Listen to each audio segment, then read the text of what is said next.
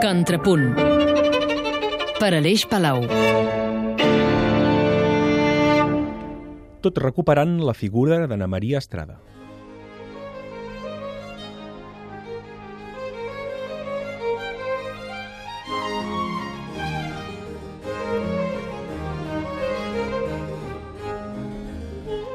La soprano Anna Maria Estrada torna a ser el centre d'un programa musical. La cèlebre cantant italiana, recordada principalment per haver estat una de les veus preferides de Georg Friedrich Händel, és l'eix vertebrador del nou disc que ha sortit fa uns dies amb l'orquestra barroca Vespres d'Arnadí i la soprano Maria Espada. I ha estat el Petit Palau l'espai escollit per fer a Barcelona la presentació en concert d'aquest treball. Entre els anys 1729 i 1737, Anna Maria Estrada va participar en 20 òperes de Händel.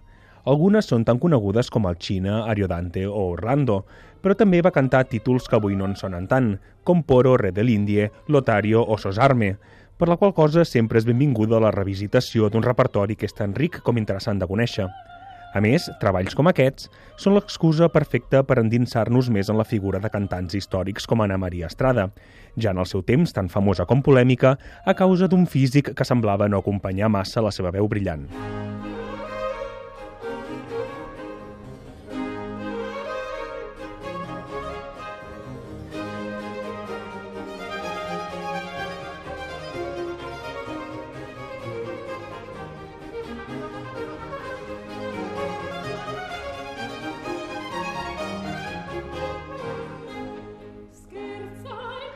Sentir la soprano Maria Espada és sempre un plaer.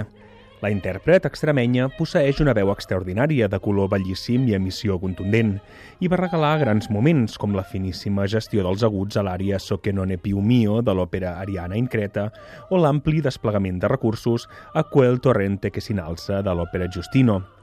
Li va mancar més connexió amb l'orquestra i certa subtilesa en alguns passatges, però el que es va trobar més a faltar va ser una major interacció de la solista amb el públic i més dosis de teatralitat. Tot i que va fer molt bona feina, podríem dir el mateix de l'orquestra barroca Vespres d'Arnadí, que va comptar amb Dani Espàs al clave i la direcció.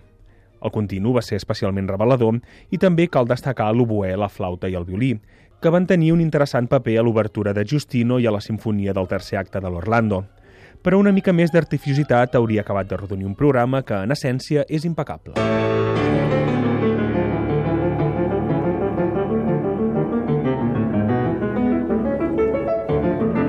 Contrapunt per Aleix Palau